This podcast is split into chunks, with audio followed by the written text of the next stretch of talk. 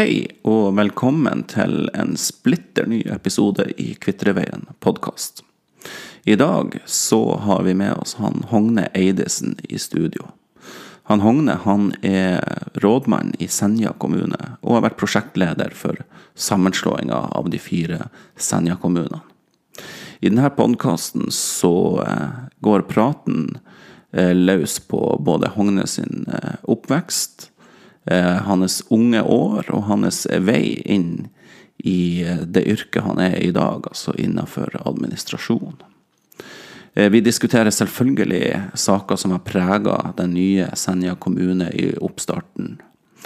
Det går på alt ifra den berykta etterlønnssaken Eh, til lederlønninger, og videre til eh, pandemien som kommunen, som alle andre kommuner i Norge, har fått i fanget med de utfordringene det medfører. Og til slutt så vil eh, nok mange lure på hva han Hogne svarer på når han får spørsmålet om sin egen framtid. Det har jo vært spekulert i media om han Hogne er en av kandidatene til å bli ny administrasjonssjef i Tromsø kommune. Alt dette får du svar på i dagens episode i Kvitreveien podkast. Kos dere!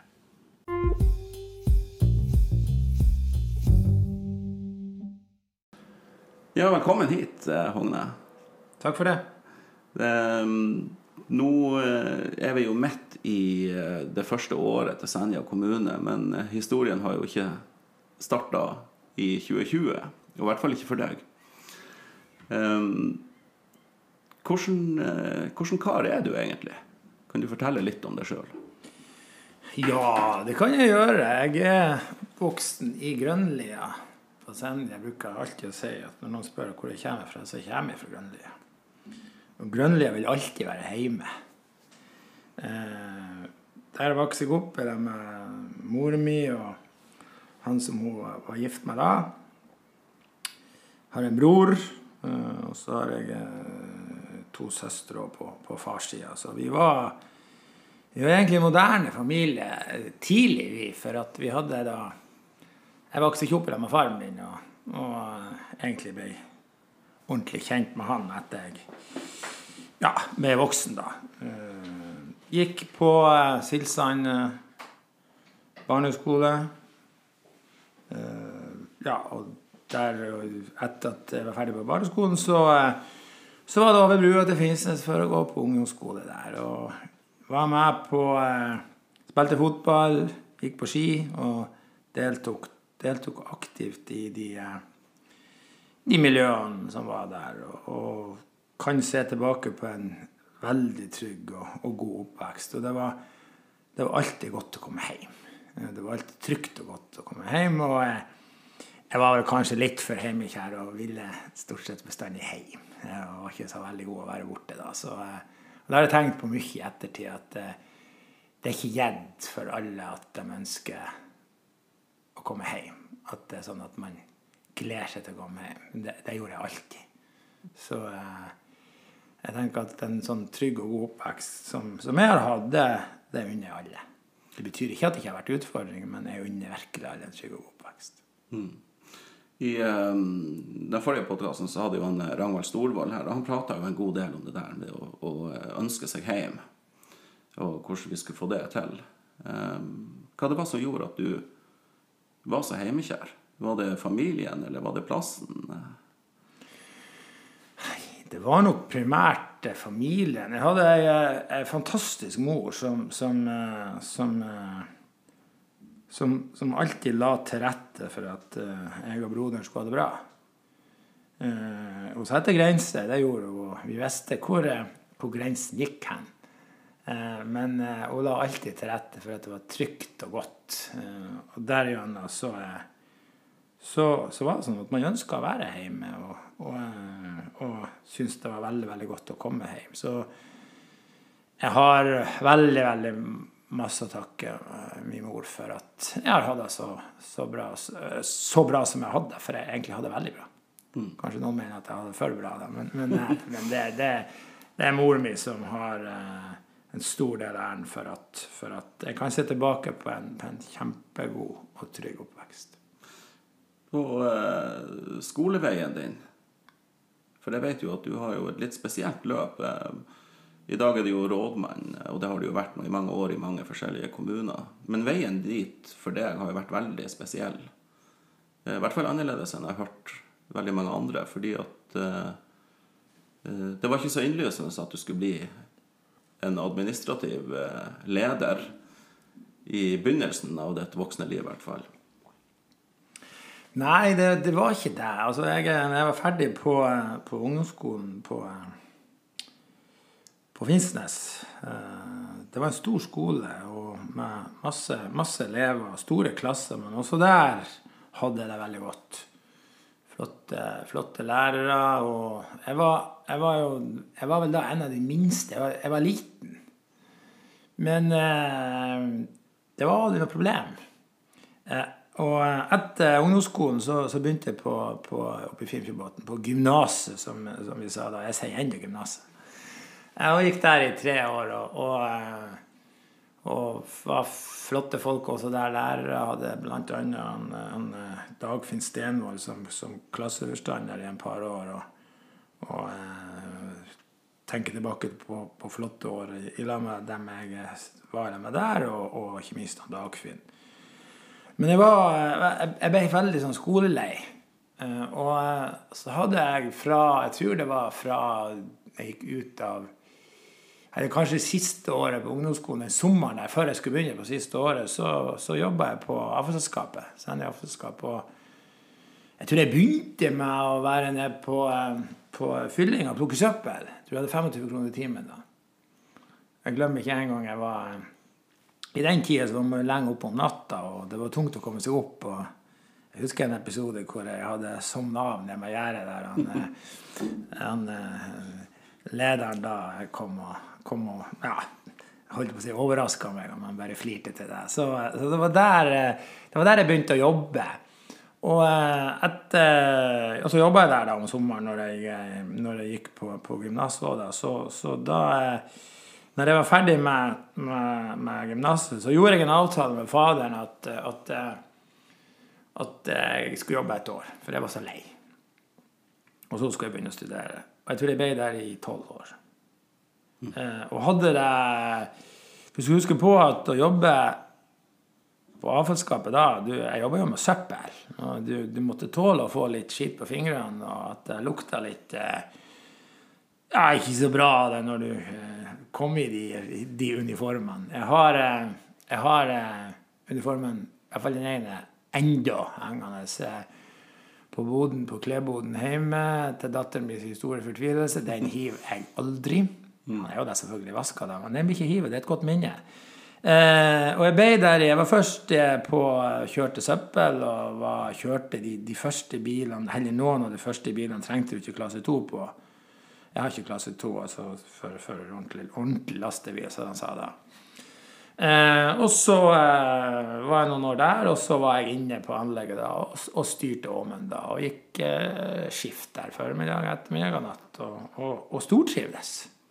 Veldig, veldig godt. Og hadde en sjef der som, som, eh, som het Jan Stenmo. Han, Jan han, er jo i live den dag i dag og er en mann på over 80 år, men sprek som bare det. Og han var en fantastisk person som, som da du, du trivdes med han, samtidig så satte han grenser. Og de få gangene han Jan eh, heva stemmen, da hørte du ekstra godt etter. Så det var et fantastisk godt arbeidsmiljø, og, og flere av dem som jobba der da, er der i dag. Mm. Og uh, vi var et sabla godt gjeng som jobba masse midt i vekka og så for på fest i helgen. Og i den tida, i hvert fall i starten da jeg kjørte søppelbil, så var det sånn at når du var ferdig med ruta, så var du ferdig. Mm. Så det er klart, om fredagene da ga vi litt ekstra gass både på gasspedalen og ikke minst når vi sprang etter sekkene for å være tidlig ferdig, for da var det hjemme og dusje, og så for vi på fest. Mm.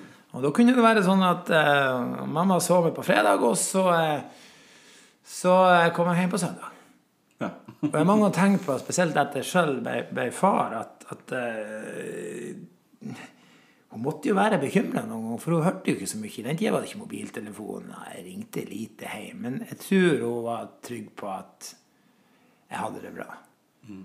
Eh, og så eh, var det vel Jeg tror det var i 1999. Så jeg har alltid hatt, har alltid hatt lyst til, til å ta meg høyere utdannelse. Så tok jeg først et sånn regnskapskurs eh, her på Finnsnes. Jeg tror det var på Folkeuniversitetet. Og så eh, etablerte B i Nordland seg her på, på Finnsnes. Eh, du kunne ta førsteåret her. Og eh, det her var i 1999. Og da tenkte jeg at hvis du ikke nå gjør det, så blir du aldri å ta utdannelse. Så eh, da hoppa jeg av. Eh, slutta på avfallsselskap og, og, tok da førsteåret her på Finnsnes, på Heimly. Hadde det helt supert også der. Tilgang til lokale 24-7. Og så tok jeg Måtte da til Tromsø, så tok jeg andre og tredje år i Tromsø. Og så tok jeg noen fag på fjerde år, eller det var ikke et, et fjerde år, da, men jeg tok noe ekstra masterprogram i prosjektledelse og noen, noen skatterett og sånn. Så det var liksom det som var utdanningsløpet mitt. Men jeg var, jeg var, jeg var sein. Hvor gammel var det når du, når du, tok det her? Jeg tror jeg var 32 da jeg begynte. Ja.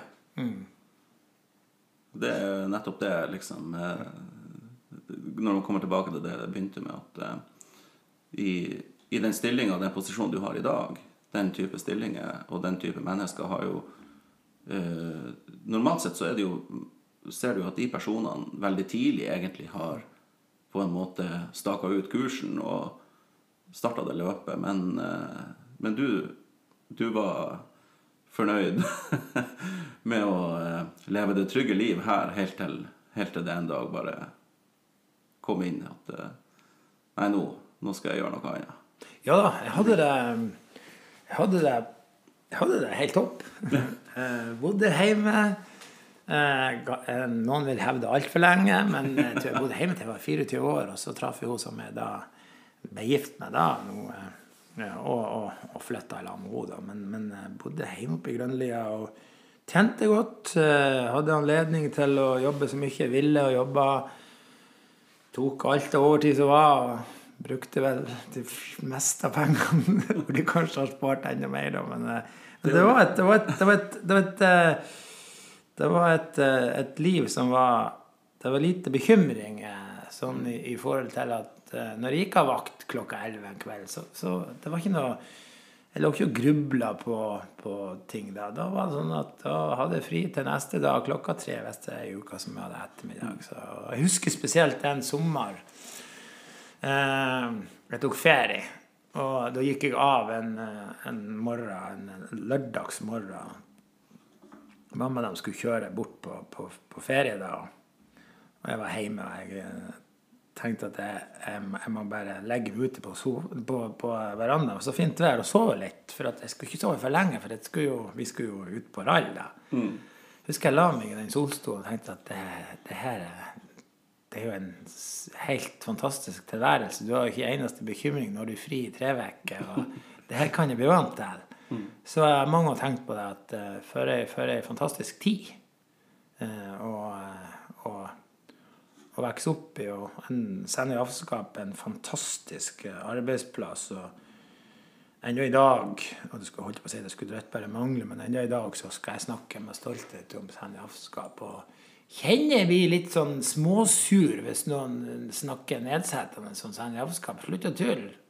Mm. Det, er liksom, det, det, det er faktisk ennå en del av meg, og det er jeg veldig veldig stolt av. Ja, men det er jo sånn det er med Alle gode arbeidsplasser er jo arbeidsplasser som, som gjør at de som jobber der, har et nesten sånn eierskapsforhold til plassen. Så eh, det er nå sikkert det du har fått. Jo da, jeg, eh, og det er klart at jeg tilbrakte noen timer der når du, mm. når du eh, har vært der så mange år. så Eh, det var mandager der òg, men, men, men de, var i, de, var definitivt i, i, i mindretall. Og så er det fantastisk flott tid. Veldig.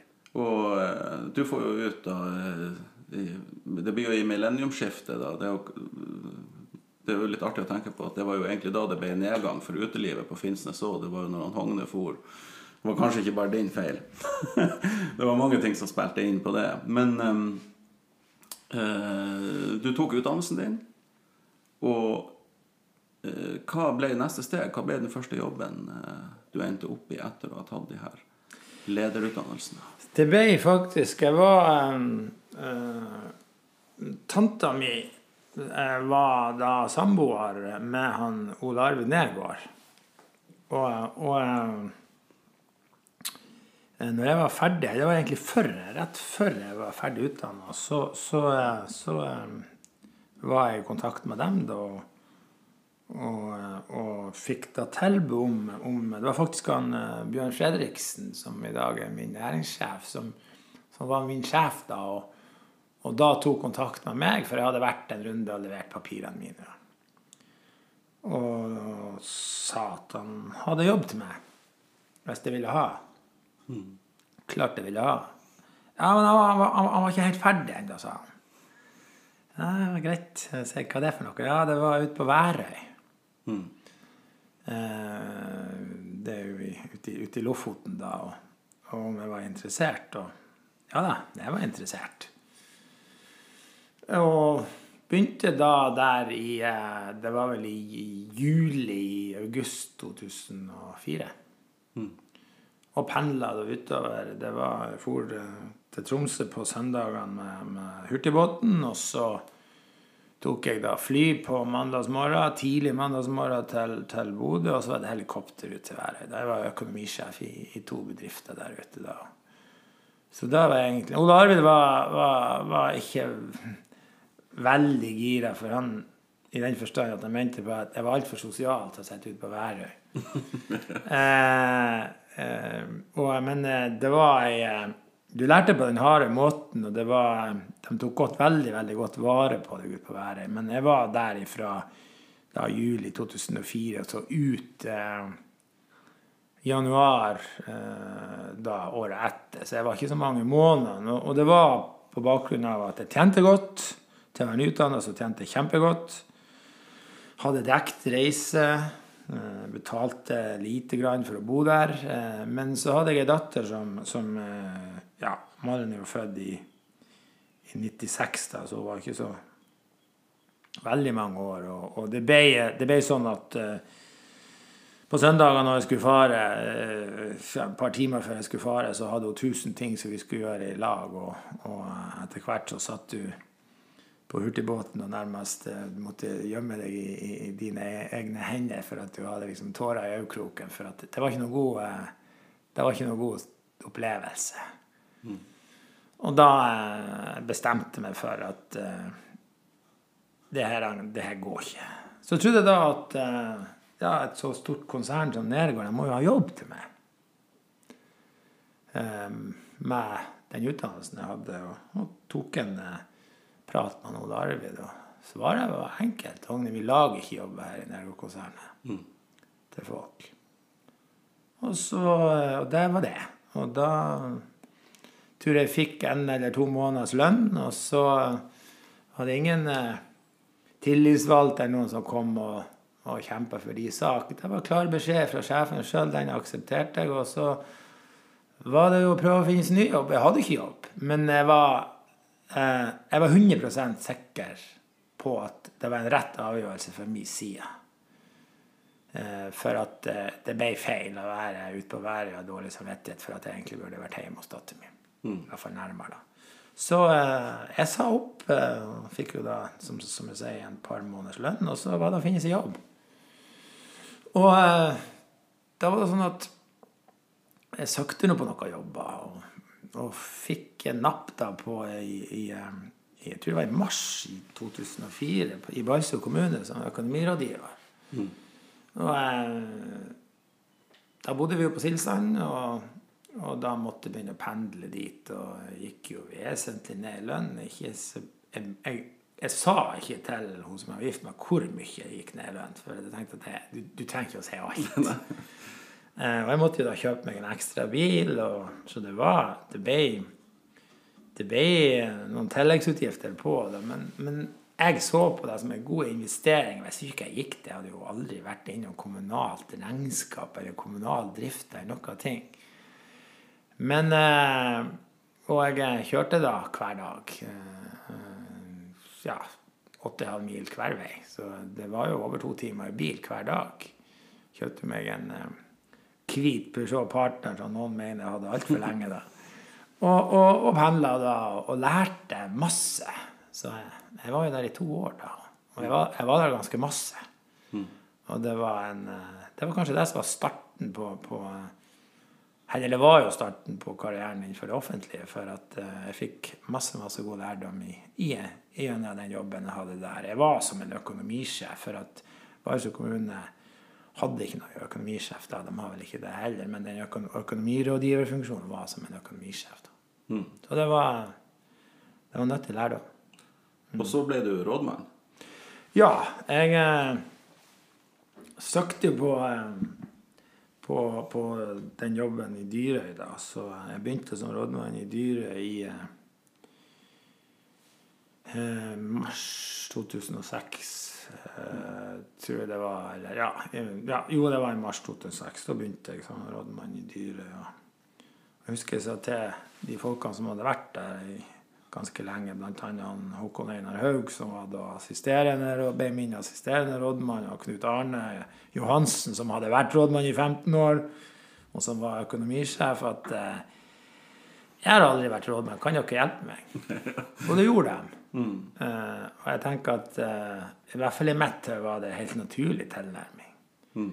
Og uh, jeg var der i litt over tre år. og og lærte på den harde måten. Og hadde en ordfører der som, som heter Rolf Espenes, som, som hadde masse erfaring og, så lærte meg masse. Vi hadde jo våre fighter, Rolf, og klarte alltid å, å løse dem eh, med at eh, nå er vi uenige og vi må gå videre, eller vi ble enige. Så, så det var, det var, det var nyttig, nyttig lærdom. da. Ja. Og ferden videre gikk jo da til Balsfjord eh, tilbake, og så videre til Målselv. Det er Ikke så? Ja, jeg var jo i, i Søkte på, på jobb i, i, i Balsfjord. Jeg husker det var jo noe, noe noen som gikk i, i, i tog da, for at han syntes det var så trasig at jeg skulle slutte i balsen. Jeg husker jeg ble oppringt av, av eh, jeg tror det var Morten Dokka som ringte med han i Folkebladet. Jeg trodde jo først han tulla. da.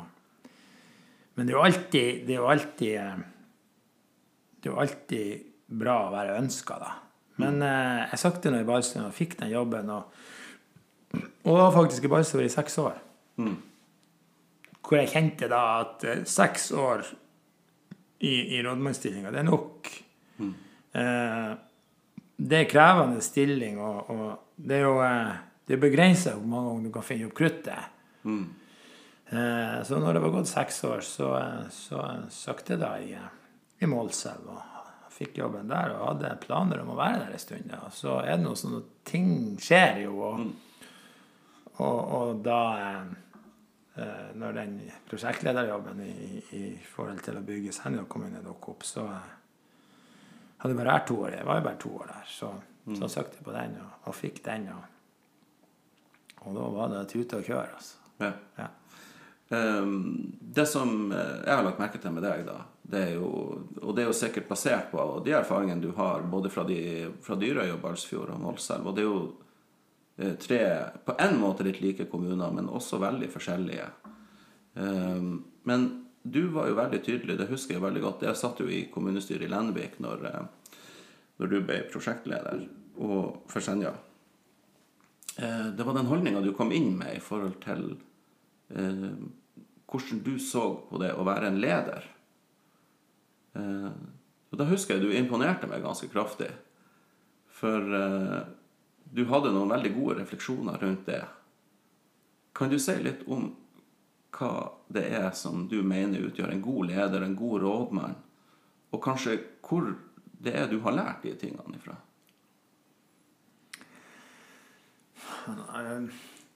Jeg, har, jeg har aldri hatt tro på ledelse under frykt. Det har jeg aldri hatt tro på. Det er bare noen få land i verden det fungerer. Eh, hvis du skal, sånn som jeg i hvert fall mener, og prøve å praktisere, det, det, det hender det går skeis i kampens hete noen gang, men jeg tror det er mer regelen enn jeg tror det er mer unntak enn regelen. det at du må innby til tillit. Folk, må, folk må føle seg trygge når de, når de, når de, er, når de er med deg. Og jeg syns det er så flott når noen kommer inn på kontoret mitt, lukker døra og trør til hvor de, hvis det er ting de mener jeg har sagt eller er misfornøyd med. Eh, for at det betyr at de tør. De er ikke redd for represalier. Eh, og noen ganger så endrer man jo for at man har jo gjort feil, og noen ganger så sier jeg at jeg hører hva du sier, men det blir sånn. De tør å komme inn til deg. Og det tror jeg er en av nøklene til å, til å være en, en, en, god leder. Så du må, du må, klare å skape trygghet. Du må klare å skape trygghet i rommet. Du må tørre å være uenig. Eh, du må klare å skape et godt samarbeid. Man skal huske på at godt samarbeid det er ikke å være enig om alt. Men det er måten du er uenig på, som gjør at man får det til. Så den, den tryggheten der, det er at du innbyr til tillit. Eh, og at du kan bruke vennlighet som våpen. Våpen i hermetegn. Altså, det er viktig at man må tørre å flire og bruke latteren og være litt eh, ja, Aldri glemme av tunge budsjettperioder. Og når man sitter, så er det, når jeg ser at vi går oss fast, så er det å flire litt og ta en spøk eller et eller annet. For å få, for å få løse opp men, men, tillit, og innby til tillit, at folk er trygge på at eh, selv om jeg er høy og mørk og snakker altfor høyt og, og, har et høyt volum, så, så, tror jeg folk er trygge med meg. Eh, og det er, eh, det er jeg veldig, veldig glad for. Eh, jeg ønsker i hvert fall ikke at folk skal være redd meg. For at hvis du signaliserer trygghet, så tør folk mer. Og så er det jo sånn at det, eh, det skal jo være rom for å gjøre feil. Eh, hvis du har en organisasjon hvor det ikke er rom for å gjøre feil, så gjør jo folk eh, mindre og mindre for at da får de mindre og mindre kjeft. Altså det, det, er jo et sånn enkelt resonnement. Så, så det, det, må være rom for å gjøre feil. Også, man skal selvfølgelig lære av feilene. Og så er det aldri noen som, eh, som skal Jeg håper ikke det, i hvert fall ikke fram til nå, jeg er heller framover, som vil oppleve at jeg står i det offentlige rom og skylder på noen. Eh, når ting går skeis, er det mitt ansvar. Eh, det er jeg som er øverste leder, og, og, og da, eh, da skal man ta det ansvaret. Jeg sa vel en par ganger fra talerstolen til Balsø-politikerne, det ble mye fliring da, at dere skal slippe å sparke men jeg skal gå for den tid. og det mener jeg faktisk òg. Og så håper jeg at noen, hvis jeg eh, gjør en dårlig jobb, så at han sier det til meg. At, at jeg får høre det. At vet du hva, nå tror jeg kanskje det er dags for at du, du finner noe annet å gjøre, for du leverer ikke. Det, det er så lett Jeg har jo gitt råd i, i og med at man har vært såpass lenge som jeg har vært, så har man jo opplevd noen, noen, noen, noen ja, arbeidssituasjoner, og man har gitt råd, og, og, det har vært innlysende hva slags råd man skulle gi. At kanskje her må du bare finne deg noe annet å gjøre, eller få deg en pakke, eller komme deg ut. Og, og det, men det er ikke sikkert jeg tenker like klart når jeg sjøl står midt oppi det. Eh, og at jeg, da ikke, at jeg da tenker sånn så at eh, nei, jeg skal vise at de tok feil. Eh, og det er, da jeg, det er da jeg ønsker at jeg har noen som peker meg og sier at Hogne, det her er ikke bra. Kom deg ut med ære i behold. Mm. Eller bare endre kurs, eller gjøre gjør ting ja. litt annerledes. Ja. Fordi jeg, tenker jo at selvfølgelig, altså Rådmannsjobb det er jo nesten som å være en fotballtrener i dag. Uh, du må ta ansvaret for hele organisasjonen. Uh, hvis helheten ikke fungerer, så ser vi ofte at rådmenn forsvinner. Og både jeg og du vet jo at det er veldig masse i, en kommuneorganisasjon som rådmann sjøl egentlig ikke har kontroll på. Uh, det har vi jo for så vidt sett. Jeg kan jo ta et eksempel nå fra Tromsø der eh, den forferdelige saken i forhold til innkjøp eh, Jeg tror jo enhver person som har litt kjennskap til organisasjonen, kan forstå at administrasjonssjefen i, i Tromsø ikke kan ha kontroll på et sånn makronivå. Eh, men allikevel så blir man nødt til å ta ansvaret. Men like viktig er det jo selvfølgelig å kunne være åpen for å gjøre ting annerledes. Sånn før, før man er nødt til å gå. Ja da, det, det, og jeg bruker å si at snakk til meg ikke om. Hvordan i all verden skal jeg få vite om ting er, hvis ting er galt, hvis ingen sier det til meg? Men igjen, det fordrer at han tør å si det til meg. Og igjen der tilbake med trygghet og tillit. Er de trygg på deg og har tillit til deg, så får du høre det. Og det, det virker greit hittil, for jeg får tilbakemelding når ting ikke er som det skal være. Og det, det, det er bra. Mm. Eh, og, og, ja, det er helt enig i forhold til å, til å endre kurs òg. Men så er det en gang sånn at, at som øverste leder så er det ditt ansvar. Du klarer ikke å ha kontroll på alt. Du skal ikke ha kontroll på alt. du, må, du har ledere som, som, som, er under deg, som, som da Du må lede Jo større en organisasjon er, jo mer må du lede gjennom dine ledere. Og jo, jo, mindre, jo mer må du slippe kontrollen. I Dyrøy da kunne jeg ha kontroll på detaljene. Det kan jeg ikke. Det går ikke. Mm. Men, men, men uh, igjen, det, det, er mitt ansvar hvis ting går galt. Og ingen skal, skal, skal kunne få oppleve at jeg står og skylder på noen. Hvordan vi tar internt. Mm. Uh, I forhold til hvis ting ikke er sånn som man ønsker at det skal være. Det er en annen skål. Men, men det er mitt ansvar. Da får du ta det ansvaret. Det er bare, det er bare sånn det er, altså. Mm. Uh, så kom du jo i uh, den unike situasjonen at du skulle lede et sammenslåingsprosjekt med fire kommuner. Torsken, Tranøy, Berg og Lenvik. Eh, sånn i retrospekt, hvordan har du tenkt, eller tenker du om den situasjonen og, og, det som ble gjort der? Jeg vet jo at det var jo eh, relativt kort tid. I hvert fall følte jeg det som politiker. at eh, Jeg tror jo, for å være litt sånn eh, direkte, da, så tror jeg at regjeringa hadde litt hastverk. For det venta et valg rundt svingen som, som ikke tror Jan Tore Sanner var helt trygg på å vinne. I hvert fall ikke på det tidspunktet de starta reformen. Eh, så fra mitt ståsted som politiker så tenker jeg at man kanskje gikk litt fort fram i selve sammenslåinga. Men jeg vet ikke hvordan du føler det, for du satt jo midt oppi det her i, i prosjektledelsen og skulle styre og alle de her eh, prosjektene som var. Hvordan, hvordan, så du på selve den prosessen? Skulle du, skulle du helst hatt mer tid? Det er vanskelig å si. For at uh, det, La oss si at du hadde et år til. Et ekstra år. Et tredje år, så, så kan det godt hende at man har uh, man har skuvd på prosessene. slik at jeg tror, gitt i rådende forhold, uh, så, var det, så var det greit med det tidspresset som var. Men sett i ettertid, med den erfaringa jeg har gjort meg i forhold til denne sammenslåinga, så kunne det vært greit å ha det tredje år.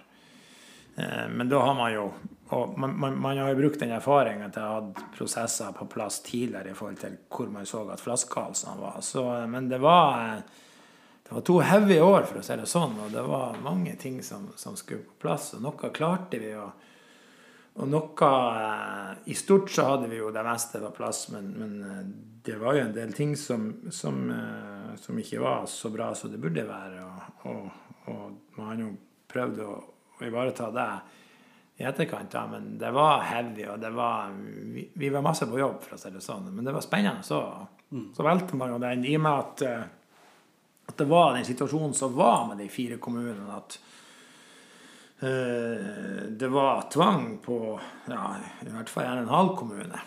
uh, altså, Torsken ble jo tvangssammenslått. Berg overlot jo til Stortinget med én stemmes overvekt i sitt eget mm. kommunestyre og, og å stemme. Og da var jo valget tatt. Uh, slik at jeg, jeg, valgte da å bruke mye tid på å fare rundt uh, og treffe folk. og det tror jeg ble en rett strategi. Men det gikk jo utover noe. Det gikk nok utover si, det indremedisinske i forhold til, til, de tingene som, som burde, burde, vært enda mer pleia i forhold til å bygge kulturen i det her en, å bygge en, en, ens kultur i, i, selve kommune, i selve den nye organisasjonen. Da. Men eh, eh, vi skal jo evaluere, så, så, vi får se hva den som evaluerer, kommer fram til. Da. Men det var, det var jeg, eh, jeg har sagt at eh, jeg tror eh, det er første og siste gangen at jeg skal lede kommunesammenslåing. eh, for at du må liksom være midt oppi det for å skjønne hvor, hvor omfattende det er. Eh, slik at eh, det, det er utrolig god erfaring. Mm. Det er sånn, nå vet jeg jo eh, at rådmenn er jo veldig forsiktige med å gå inn i politikken. Eh, og det har jo du også egentlig vært veldig flink til, å, å holde deg unna selve politikken. Når, når ting havner på politikerne sitt bord, eh, så ser jeg jo ofte at du, eh, du, du kikker godt ned i papirene dine. Og, og eh, nå ligger det jo nat naturlig i alle mennesker at vi har jo våre meninger og, og, og sånn. Men det er eh, Så jeg vet ikke helt hvordan, hvordan du vil kommentere det, men, men en, den ene tingen jeg har i forhold til til eh, sammenslåingsprosessen, det er egentlig ikke så veldig administrativt. Det går mer på det politiske. Eh, og det er det at jeg mener helt bestemt at fellesnemnda ikke fungerte politisk. Eh, og med det så mener jeg at de store diskusjonene, eller veldig mange tunge diskusjoner som vi burde ha tatt, de, det, i hvert fall i 2019, ble ikke tatt i fellesnemnda. Jeg tror det hadde vært en fordel for det nye kommunestyret Senja vest man hadde vært litt mer vågal i fellesnemnda og gått med, med hodet rett inn i de tunge sakene.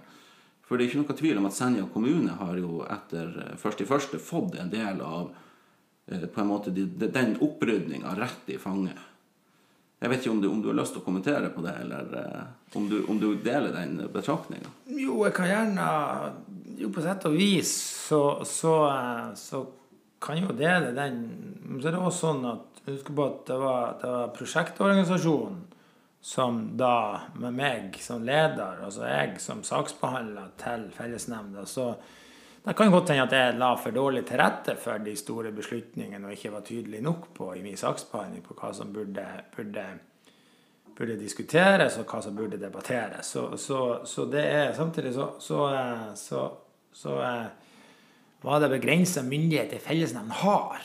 Eh, og samtidig så gikk jo de fire kommunene Det var jo dem egne organisasjoner. Så det er en sånn det, er en vanskelig situasjon.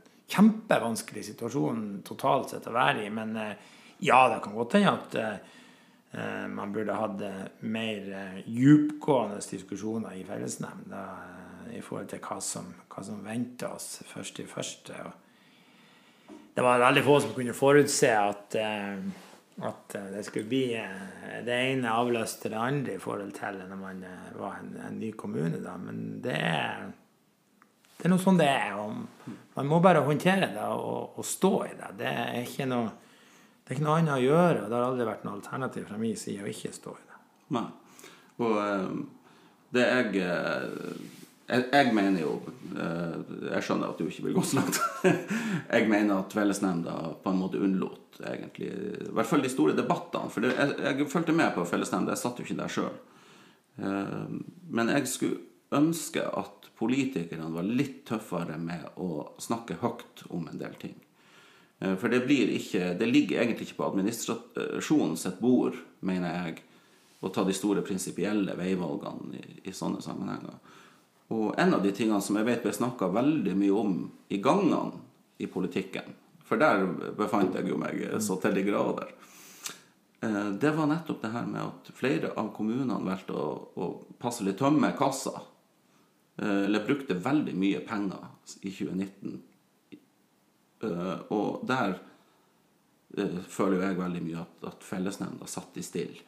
Og det blir kanskje litt som jeg setter seg sjøl litt sjakk matt òg, fordi at de politikere som sitter i fellesnemnda, stammer jo selvfølgelig ut fra de forskjellige kommunene. Det ble kanskje et sånn ømt Eh, tema. Det forstår jeg.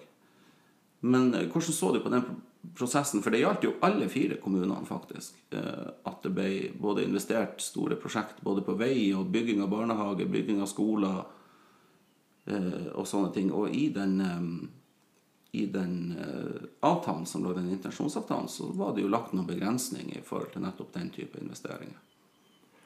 Ja, nei, det er som du sier, at, at, at um i fellesnemnda så satt jo naturlig nok politikere fra de fire kommunene. Fellesnemnda besto jo av formannskapene i de fire kommunene. Mm. Det var det som var, var fellesnemnda da. Og så, eh, som jeg sa i stad, så var jo de fire kommunene eh, selvstendige enheter ut, ut eh, altså til og med ut desember 19. Eh, og, og jeg var jo tydelig noen ganger i forhold til, til både de investeringene som, som, ble gjort, og at vi kom til å slite når vi skulle begynne å bygge budsjettet for Senja kommune. da. Eh, og eh, vi ser jo nå at eh, man må gjøre noen grep i forhold til både ta ned drifta og, og ikke minst kanskje skue på noen av de, de investeringene. Da. Så, så eh, det,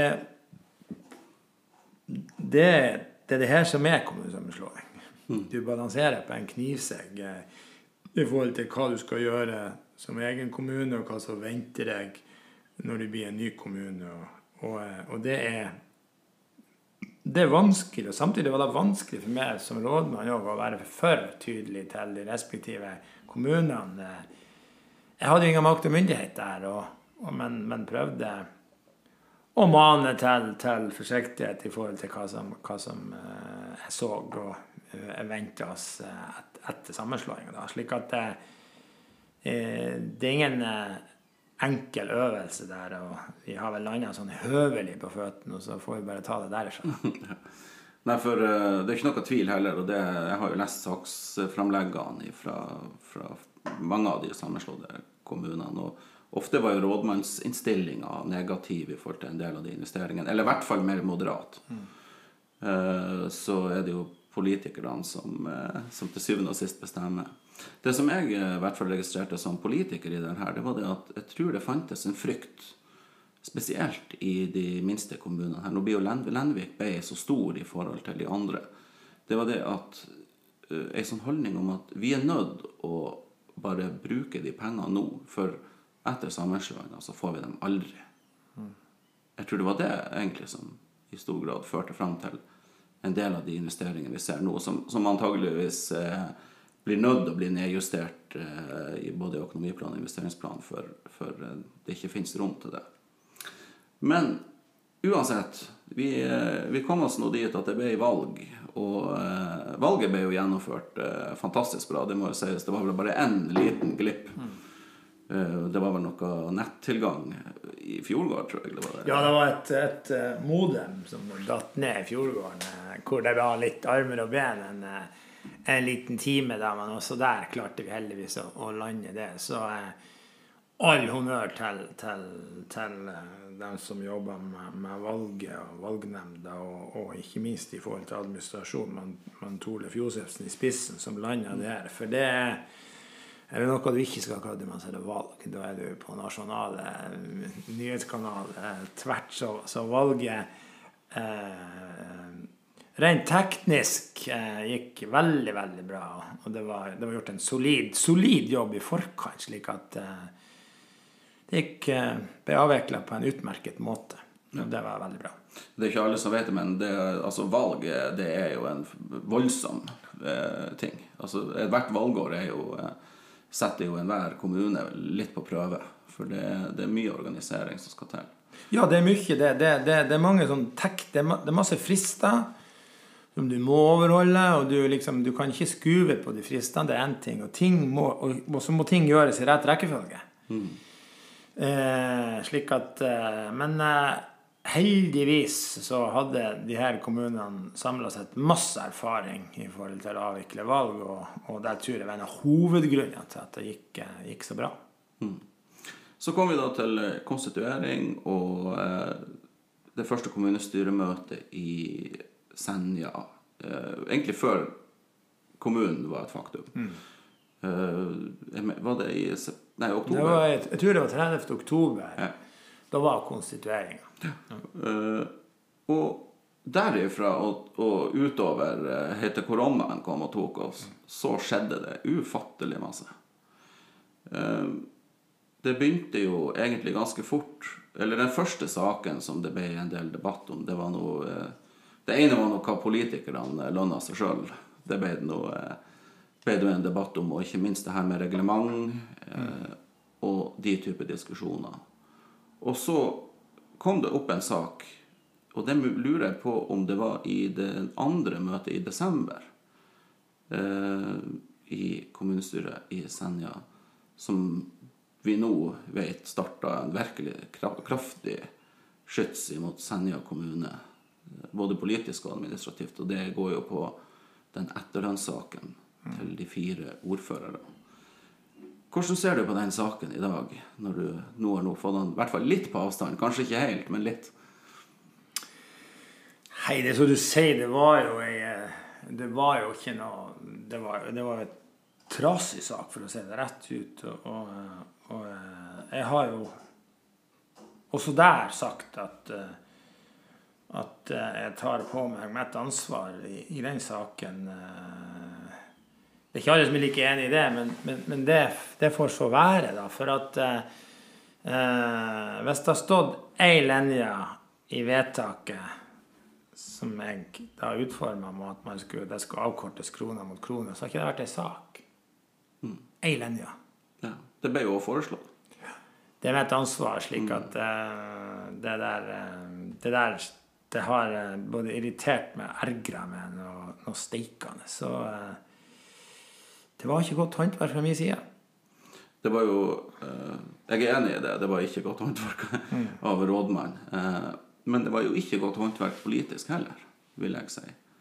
det er jo en, en kollektiv kollaps vi egentlig var vitne til der. For vi hadde jo en representant, han Jasmin Agovic Nordås da, fra Senjalista, eh, som var oppe som eneste taler på den saken. Og det vil jeg også bare si, eh, sånn at alle er klar over det, to av de ordførerne hadde jo definitivt krav på etterlønn. Eh, men to hadde det ikke, ifølge loven. Eh, men hvordan kan noe sånt foregå? Var det For saken kom jo også selvfølgelig seint Eh, på, på møtet. Jeg har tenkt mye på det. Hvordan kan noe sånt egentlig bare passere for, for alle? For det er jo et kommunestyre på 45 pluss pluss en administrasjon som sitter der. Nei, altså Saka i seg sjøl var jo grei, og eh, de fire hadde søkt om, om etterlønn. Og så saksbehandler da påtroppende rådmann det. Og, og igjen har det vært et hva kommunestyret gjorde og ikke gjorde, det, det, det er noe historie nå, men har det vært ei linje i mitt saksanlegg, i min innstilling om det, mm. så har det ikke vært ei sak. Mm. Og det er, det er, mitt ansvar. Og utover det så, så tenker jeg at uh, jeg har ikke brukt Jeg har brukt for mye tid i mitt eget hode på å tenke på hvorfor i all verden jeg ikke så det. Og uh, det er ikke noe unnskyldning. Det er ikke noe unnskyldning å si at det var så mye, og du hadde så mye å gjøre. Det er for dårlig håndverk. Punkt. Mm. Det som er så trist med akkurat den saken, det er jo det, selvfølgelig det at eh, akkurat på, på, det tidspunktet i desember, når man gjorde de her vedtakene, og litt ut i januar, så var det vel egentlig ingen som så konturene av eh, hva slags fokus vi kom til å få på bakgrunn av akkurat den saken. Eh, oppdaga du, eller når skjønte du at oi, oi, oi, nå, nå brenner det litt på dass her? Nei, det var egentlig når, eh, når eh, Det her gjaldt jo eh, Altså, det var jo Senja kommune var jo så heldig å få, å få en, en, fiskeriminister fra området her. mm. Og det var jo når hovedstadspressen begynte å, å, å grave i det at jeg skjønte at det nå tar det av. Og, og, vi fikk virkelig se forskjell på, på hovedstadspressen og, og, og, den lokale pressen, for de står uh, skikkelig på. Uh, mm. Og det uh, De hadde egentlig bestemt seg for at det her skal vi Det her blir ei sak. og og eh, vi brukte masse masse tid på å serve dem med informasjon. De ønska meg ned til Dagsnytt 18. De ønska meg ned til ja, debatten. Eh, jeg stilte selvfølgelig ikke opp der, jeg hadde ingenting der å gjøre.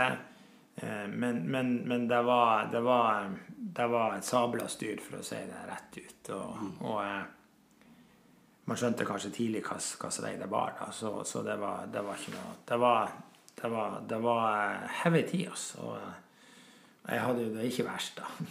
Nei, det var definitivt en annen person som, som sto midt oppi det her, som, mm. som virkelig fikk kjenne det trøkket. Uh, jeg la jo merke til det sjøl, fordi jeg begynte jo å få telefoner fra uh, Jeg mener det var faktisk fire av de største redaksjonene. nå fikk jeg faktisk Jeg var jo ute av politikken på det her tidspunktet. Men jeg skjønte jo alvoret når de fire som kontakta meg, de hadde jo da spørsmål om andre saker igjen fra Lenvik. Og de sakene kom aldri på trykk engang, som de spurte om. To av dem hadde faktisk ikke kjennskap til i det hele tatt. Men bare jeg som da hadde gått ut av politikken og, eh, og kunne på en måte følte at det sto litt på tilskuerbenken, eh, ble altså ringt eh, i et forsøk på at de skulle finne enda mer. Eh, men det er jo klart at de lukta jo selvfølgelig blod. Eh, det er når man, når, eh, når man får sånne typer saker som går på penger, og at folk urettmessig har fått penger, da, eller som penger de ikke skulle ha, så er det klart at det vekker jo noen følelser i oss alle sammen, og det blir veldig vanskelig å forsvare seg imot eh, Eller når man står opp i sånne saker òg. Så jeg har veldig forståelse for eh, den utfordringa Geir Inge sto i. Eh, den var nok ikke helt enkel, og ikke minst den der følelsen når du eh, har vært ordfører i åtte år og en lang politisk karriere bak deg, og så, og så når du på en måte toppen. Og i løpet av den måneden der så opplevde han virkelig en heisatur som, som eh, selvfølgelig sikkert eh, du også var en del av og kjente på, men det er nok ingen som kjente den like sterkt som han. Det tror jeg ikke. Nei, det er som jeg sier, at, at, eh, at eh, jeg hadde det ikke verst på langt nær. Eh, eh, og det var, det var trasig, for jeg tror at han, eh, Geir Inge kunne blitt en utmerket eh, fiskeriminister, og, og, men, men sånn ble det ikke. Og, det, nå er det historie, men eh, Jeg tror problemet var eh, i den saken det, eh, Fordi at eh, det er også noe av det Nå har jo saken vært oppe i kontrollutvalget. Eh, og du var jo oppe på talerstolen og holdt et ganske sterkt innlegg egentlig nå i, eh, et av de siste møtene i, i, før sommeren.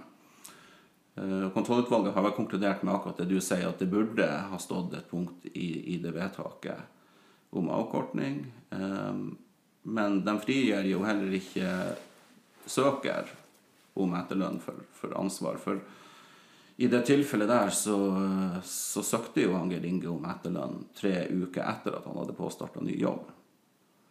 Det er jo også en del av bildet. Og jeg tror det er mye av det som gjorde at Jeg tror det gjorde det vanskelig for han i den nasjonale kritikken han fikk. fordi at det faktumet kunne han jo aldri komme seg unna.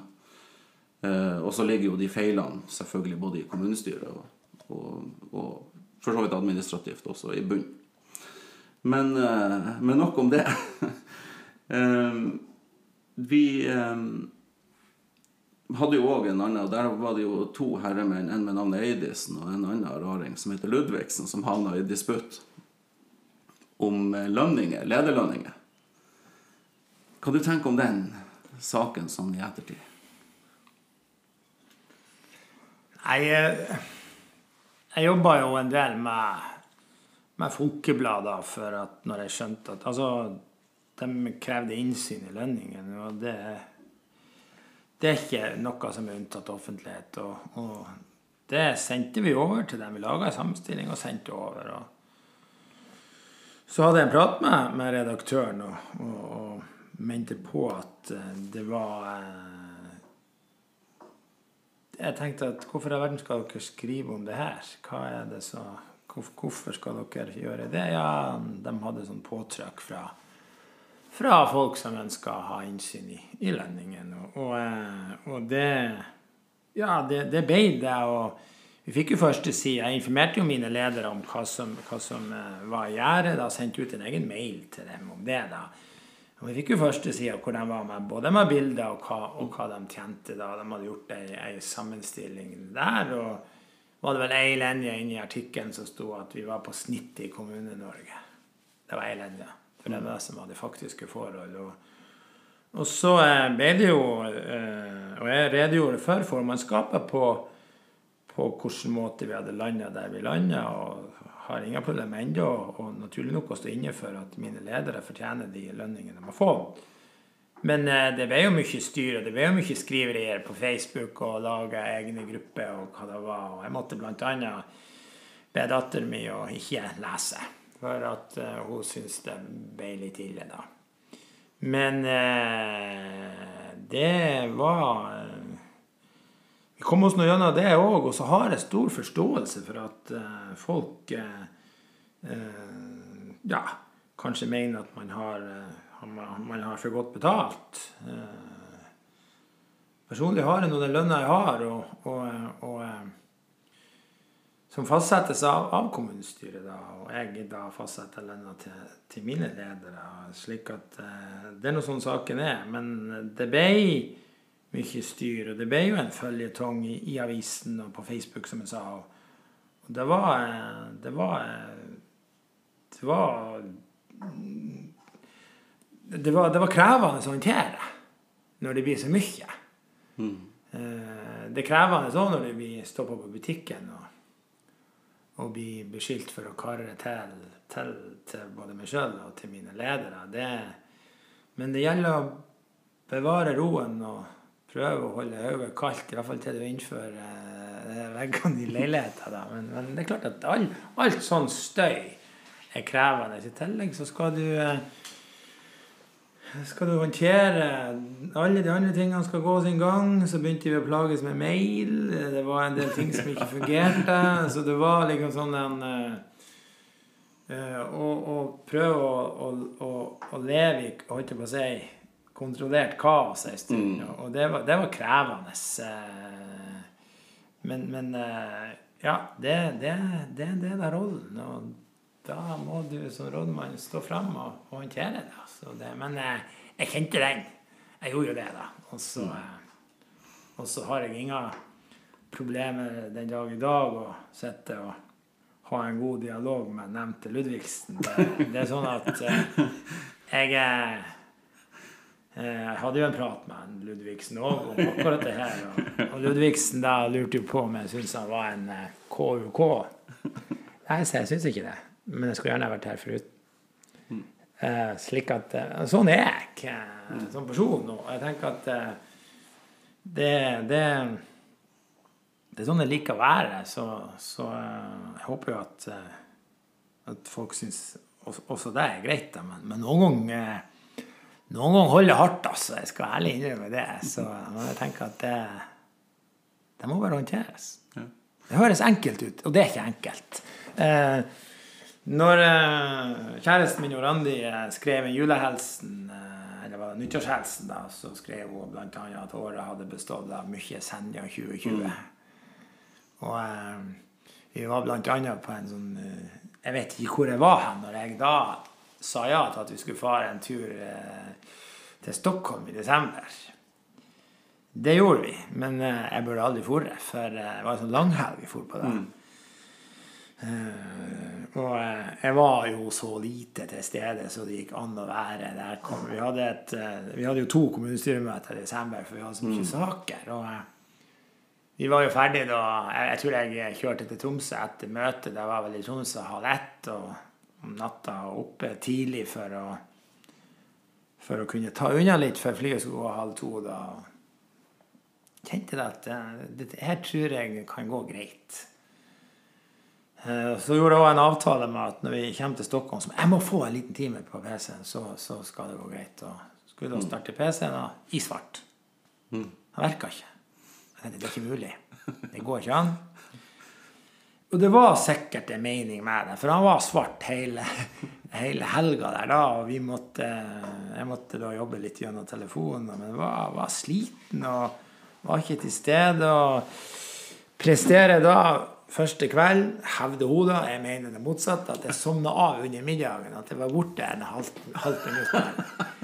Jeg, jeg, jeg, jeg hevder jo ennå hardnakka at det gjorde jeg ikke, da, men, men, men jeg, var no, jeg, var ikke noe, god eh, Jeg var en, eh, I den grad eh, den beste utgaven av meg sjøl er bra, så var jeg ikke noe god utgave av meg sjøl. Jeg hadde altfor mye i hodet. Og, mm.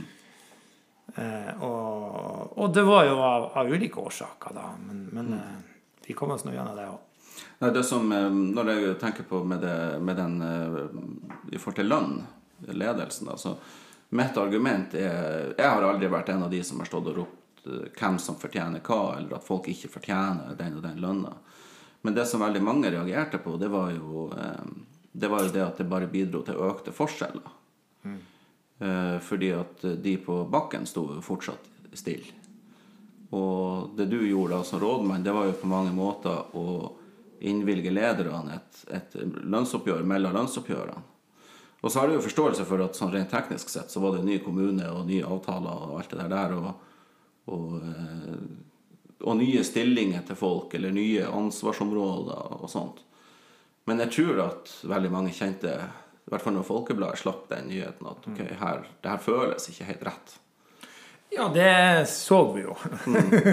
Slik at eh, Så kan vi huske på at eh, en del av, av altså I den intensjonsavtalen som, som var, så sto det bl.a. at uh, ingen skulle gå ned i lønn som følge av kommunesammenslåinga. Slik at du hadde noen sikringsbestemmelser der som, som, som var Så du måtte ivareta. Så, så, så det var noe som man hadde med seg. Og så er det vanskelig å forklare folk på hvorfor det er blitt sånn. Så, men, men at folk Eh, at, at, folk opplever det som urettferdig, det er altså en, en del som, som, som, både skrev og som ytra seg i både det lukka rom og åpne rom. Eh, altså Det er deres opplevelse av det. Da kan ikke jeg ta ifra det. Mm. Det er klart at uh, jeg, er all, jeg, jeg, jeg, går aldri ut i avisen og skriver. Det skjer ikke. Jeg hmm. tenker at det er min taktikk, og, og noen mener mente vel da at jeg burde ta til motvære, men jeg var, aldri, jeg var aldri i tvil om at det burde jeg ikke gjøre.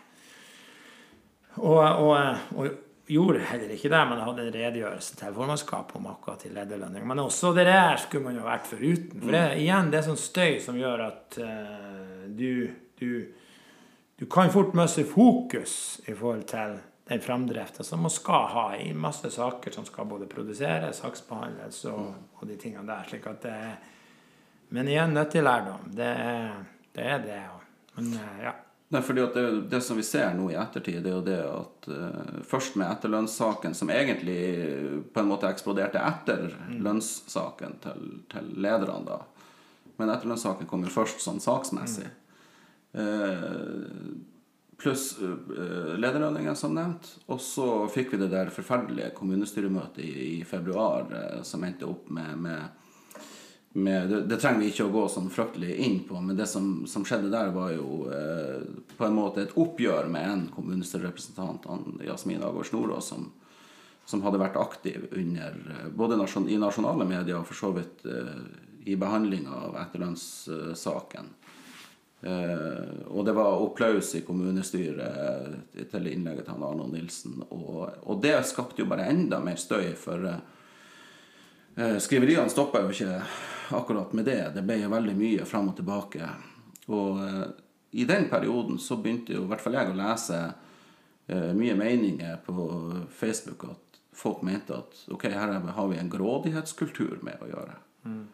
For at eh, eh, kommunepolitikerne innvilger seg sjøl eh, høye honorar. Ledelsen innvilger seg sjøl høye lønninger. Og man kaster bort etterlønn til folk som ikke egentlig skal ha det. Og den fasen der, den februaren, var jo veldig beinhard, egentlig. Det var jo selv jeg, som jeg leder jo den, den gruppa Rettferdig lønn i Senja kommune, jeg satt jo og eh, trykte delete hele dagen på, eh, på, innlegg, for folk var så sinte. Og noe kunne rett og slett ikke få lov til å stå der. Eh, men samtidig, jeg forstår jo det sinnet til folk. Men, men hva du tenkte når du, når du sto i den der eh, slutten av februaren og, og alt det her nesten, det, det, er nesten som å se sånn korthus dette sammen når man står oppi det. da er det ikke sånn? Ja, det, det er i hvert fall For det er jo en krise. Ja, det er en krise. Og det er også der eh, eh, Også der må du som rådmann ta ansvar og, og, og styre gjennom de, det støvelhavet som veier da. Og, og, jeg tenker at det, det er eh, I hvert fall i den tida så, så dreide jo alt seg om jobb. Eh, det, var ikke noe, det var ikke noe annet. og da handler det om å, om å, håndtere de tingene som da var der og da. Og samtidig må du pleie alle de andre tingene som går, skal gå av seg sjøl. Eh, så eh, jeg tenkte aldri at eh, det her eh, skal jeg ikke være med på. Eh, jeg tenkte at eh, det her må du stå i, unge mann, for at det, det, er en del av å være rådmann. Og jeg tenker at Og så hadde vi hadde ja, flotte ledere, og ikke minst politikere som, som eh, sto last og brast med, med det som var, og, og er selvsagt positivt kritisk til, til det som rådmannen gjør, men, men, men, det er en eh, altså Selv om det har vært mye, så er det, det er god stemning i både formannskap og kommunestyret. Eh, og man tør å være uenig og bryte håndbak. Og så, så eh, eh, Og det var Det gikk kanskje en stund for at jeg skjønte eh, at folk og politikere var genuint opptatt av hvordan jeg hadde det, og var bekymra for meg. For når flere og flere begynte å spørre hvor det går, har du det bra, så tenkte jeg oi, er det, er det, er det sånn? Mm. Eh, men, men eh, jeg hadde det egentlig greit. Eller jeg vet ikke om jeg tør å si det, men veldig greit. For jeg følte ikke at, at det var noen som dolka meg i ryggen, og, og, og så ville meg uh, ja, mm, mye galt. Men, men, men eh, Og, og derigjennom så var, det, så var det mye lettere å stå i det. Uh, slik at det var Igjen, det var aldri, jeg var aldri i tvil på at jeg ikke skulle stå i det. I hvert fall i forhold til meg sjøl. Hvis det var noen andre som mente på at jeg ikke burde stå i det, så var det en annen sak. Det, som, det, er jo litt sånn, Jeg flirer nå av det i dag, men oppi når når det her nesten var på det verste så står jo du der, og så får du pinadø en eh, pandemi i fanget på toppen av alt. Eh,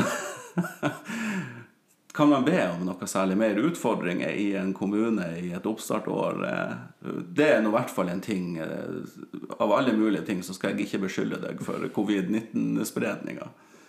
Eh, men det ble jo òg ei utfordring på toppen av alt. For her har vi jo en fersk organisasjon, og så plutselig så, så, blir man tvungen til å finne nye måter å jobbe på, og ikke minst alle de tiltakene som var på plass. Ja, det var, eh, det var jo helt surrealistisk. Eh, for at vi var jo så vidt kommet i gang, og, og ting Ja, det ene styret hadde jo avløst det andre, og så eh, tenkte man at nå, nå, nå begynner vi å få litt arbeidsro. Og, og, så kom eh, covid-19, da. Og, men den var der. Den kom. Og uh, du måtte bare håndtere det. Vi uh, satte krisestab. Kriseledelsen samla seg i starten to ganger for dag. Så etter hvert så begynte vi én gang for dag. Og når ting begynte og holdt på å si hermetegn normalisere seg, så var det en gang for uka. Men det var heavy. Mm. Det var det, men det var helt utrolig å se på hvor, hvor, hvor flott organisasjonen jobba, og hvor man tok tak og ansvar for å, for å løse det her. Mm. Så det var, da fikk du virkelig se samhold og, og hva som, hva som, bor i alle de flotte folkene som jobber. Men, men det var ja, det var heavy greier, det òg. Altså. Så jeg tenker at det, det, er Vi reflekterte vel litt over det, jeg og ordføreren, i forrige uke. Hvordan, hvordan, hvordan, hvordan, klarte man å komme gjennom alle de tingene? For at, eh, som sagt, som du sier, altså det ene avløste det andre. Men, men alternativet med å ikke klare det, er jo ikke noe alternativ. Ja. Men eh, ja, det gikk ikke kulda varmt noen gang. i forhold til Husk på igjen, oppi det hele så, så plagdes vi med noe så basalt som mail. Ja. Det vet jo jeg òg alt om. Jeg, jeg, er jo ansatt i Senja ja. kommune. Jeg var jo mailløs i, i, over en måned. Mm, det er, jo, det, er jo, det, er jo det som er basicen. Og, og eh, mm. eh, Men, men eh, vi, vi løste nå det òg, og nå er nå det stabilt. Og, men, men det, var, det var Ja, det var heavy tider. og man, man, eh, man eh, Det dreide seg om jobb. Det var kun jobb. Men igjen, når man ser på det i ettertid, det er jo, det er jo utrolig lærerikt. Og så er det jo sånn at, at det er viktig å påpeke at covid-19 det er ikke gått over. Nei. Slik at, men jeg føler jo at også der takler vi, takler vi situasjonen bra. Og, og veldig, veldig mange dro glasset og, og sto der, både i forhold til turister, i forhold til hva det måtte være, som, som, som, som var på det tidspunktet når Norge på, sett og vis ble stengt ned. Du måtte nesten klype deg i armen når du kjørte gjennom Finse senteret, og det var stilt. og det var liksom, det, er, det, er, det, er, det, er det på ordentlig der, eller er det, det, bare, det en film du er med i? Ja, det er samme følelsen av det. Ja. Og jeg jobber jo her på kinoen, ikke sant? og det å stå Jeg husker 12. mars, da, det var, mener jeg var en fredag. Det var det første vi hadde stengt. Eh, Og Da sto jeg nede i foajeen i Kulturhuset her, og ingen, altså alt var mørkt. Og, altså det, er sånn der, eh, det er sånn du ser i Hollywood-filmer, at du plutselig sto det oppi det. Men nå er vi eh, heldigvis Nå er det heldigvis sommer, og det ser jo ut som at ting har roa seg noenlunde ned. Jeg tipper jo at man politisk fortsatt får, får nok utfordringer, og det gjør sikkert du administrativt òg, for det neste som står på trappa nå etter, etter at ferien er over, og det har vel egentlig eh, pågått en stund, det er jo selvfølgelig budsjett og økonomiplan for de videre årene. og der er nok folk veldig spent. Eh, Vi har, selvfølgelig, vi har jo fått allerede noen signal om at ikke det blir eh, en såkalt kjøpefest i kommunen. Eh, I hvert fall basert på den økonomiplanen som ble vedtatt av kommunestyret før jul. Men det er de utfordringene du skal hive det til med for fullt uh, utover høsten. Hvordan ser du på det? Er du, er du positivt innstilt, eller uh, er du, er du avmålt? Jeg er alltid positivt innstilt. Eh, Jeg tenker at vi er jo godt i gang med budsjettet. Mm. Og, og jeg leverer vel mitt ja, mitt rådmanns forslag den, rundt omkring den 20. oktober. Og, og skal da prøve å prøve å legge til rette for at det skal bli, det skal bli misforstå meg rett, enklest mulig for politikerne å, å, å vedta et budsjett som er styrbart eh, for, for perioden 21 og utover. Så, så det er Som sagt, vi er godt i gang. og vi har jo noen utfordringer, og vi må styre ned. Eh, Men vi skal klare det. Og vi skal eh, Gi oss en to-tre år, så skal vi være den, eh, den beste kommunen i, både Troms og Finnmark i forhold til både, både framdrift og, og kanskje ha, ha en økonomi og ha lagt noen penger på bok som kan brukes både til å, nedbetale gjeld og ikke minst til å settes av til både kompetanseutvikling og, og hva det måtte være. Men vi trenger, vi trenger en to-tre år for å, for, å, for å være der jeg mener vi bør være for å kunne være, være, være framtidsretta. Jeg mener jo at Senja kommune har de aller beste forutsetningene for å kunne få det til. Men det må det der samspillet mellom, mellom politikk og administrasjon være minst like godt som det er i dag. Og man må prøve å, å gå i takt. Og for meg som rådmann så er det, det er jo, Du skal jo spille politikerne gode. Du skal jo legge til rette for at eh, man skal ta, ta gode beslutninger. slik at eh, Eh, det, det kommer til å gå bra, men det kommer fortsatt til å gå ei kule varmt eh, i, noen, i, noen, eh, i noen svinger for å kunne få til de vedtakene som jeg mener er nødvendig for å skape seg handlingsrom. For at, jeg har alltid sagt at hvis en kommune ikke har kontroll på økonomien, da er det en hemsko for å drive utvikling. Så det der henger i hop. Men, men, men det skal vi få til. Og eh, det er jo Det er ikke noe tvil om at det må jo sikkert tas tøffe beslutninger, både administrativt og politisk, i årene som kommer. Eh, Jeg er enig med, deg i den vurderinga du har, at denne kommunen har jo alle forutsetninger for å lykkes. Så spørs det jo bare om man, man eh, velger rett sti eh, i veien framover, da. Du snakker om to- til treårsperspektiv. Er du her da fortsatt?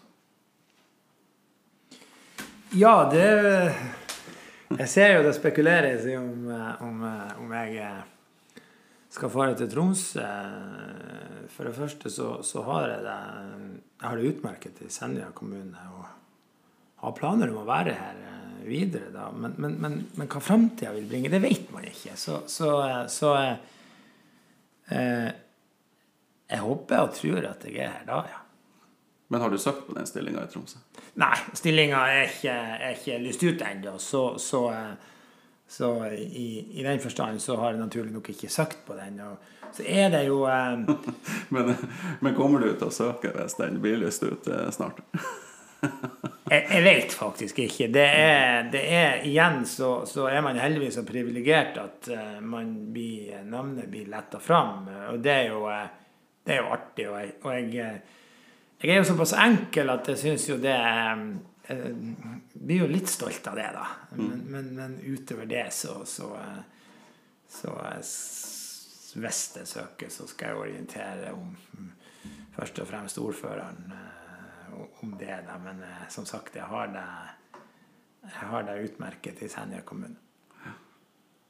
Så um, den heimekjære Hogne Eidesen, han, eh, der, der banker hjertet like sterkt for heimplassen som, som det gjorde under oppveksten. Og jeg håper jo at du eh, Jeg håper nå, det må jeg nå få lov til å si, at eh, du står løpet ut i hvert fall en god del lenger. For jeg tror vi har behov for litt kontinuitet i organisasjonen fremover. Men, men det får jo være opp til deg. Ja da, jeg er, jeg er minst like heimekjær nå som jeg har vært tidligere. Og, og, og heime vil alltid være Grønlia. Mm.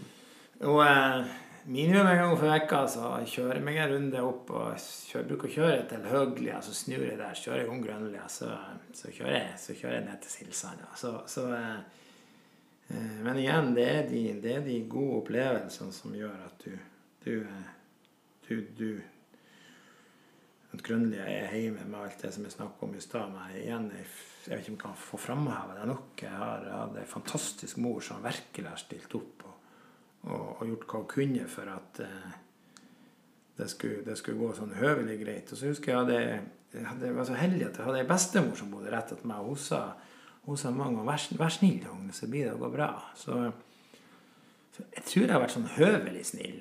Ikke de, ikke de store eskapadene, da, så, så, eh, så, så, får vi bare se framover. Og så er det også sånn at, at eh, det er ikke farlig å jobbe de lange dagene og, jobbe mye hvis du er frisk. Eh, men det er når du Jeg begynner å bli Jeg er jo over 50 år. og man begynner jo å kjenne noen lyter nå. De skal jo komme. og det er klart at det, Men er du sånn Bare slapp helt av. Jeg, jeg er ikke fylt 40 ennå.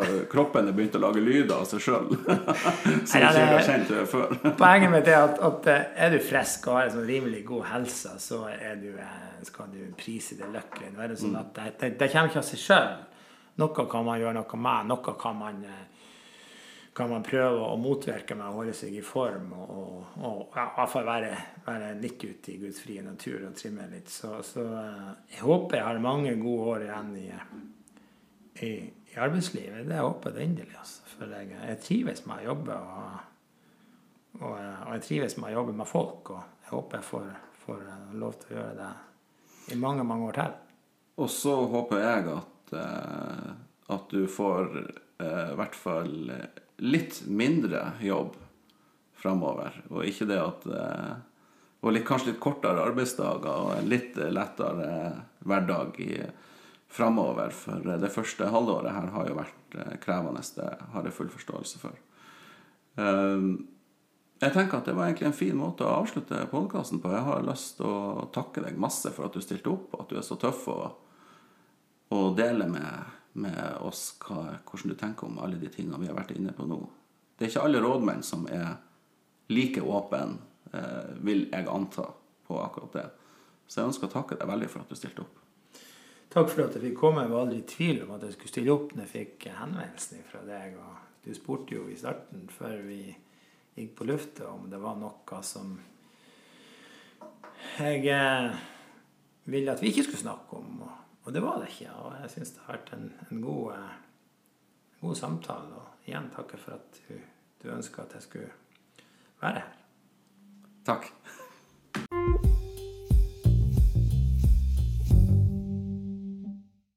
Kvitreveien podkast finner dere på Apple Podkast, Google Podkast, Spotify og mange flere plattformer for podkaster.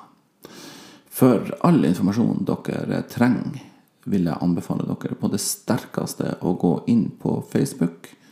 Søk på Kvitreveien podkast, og trykk 'lik' på sida mi.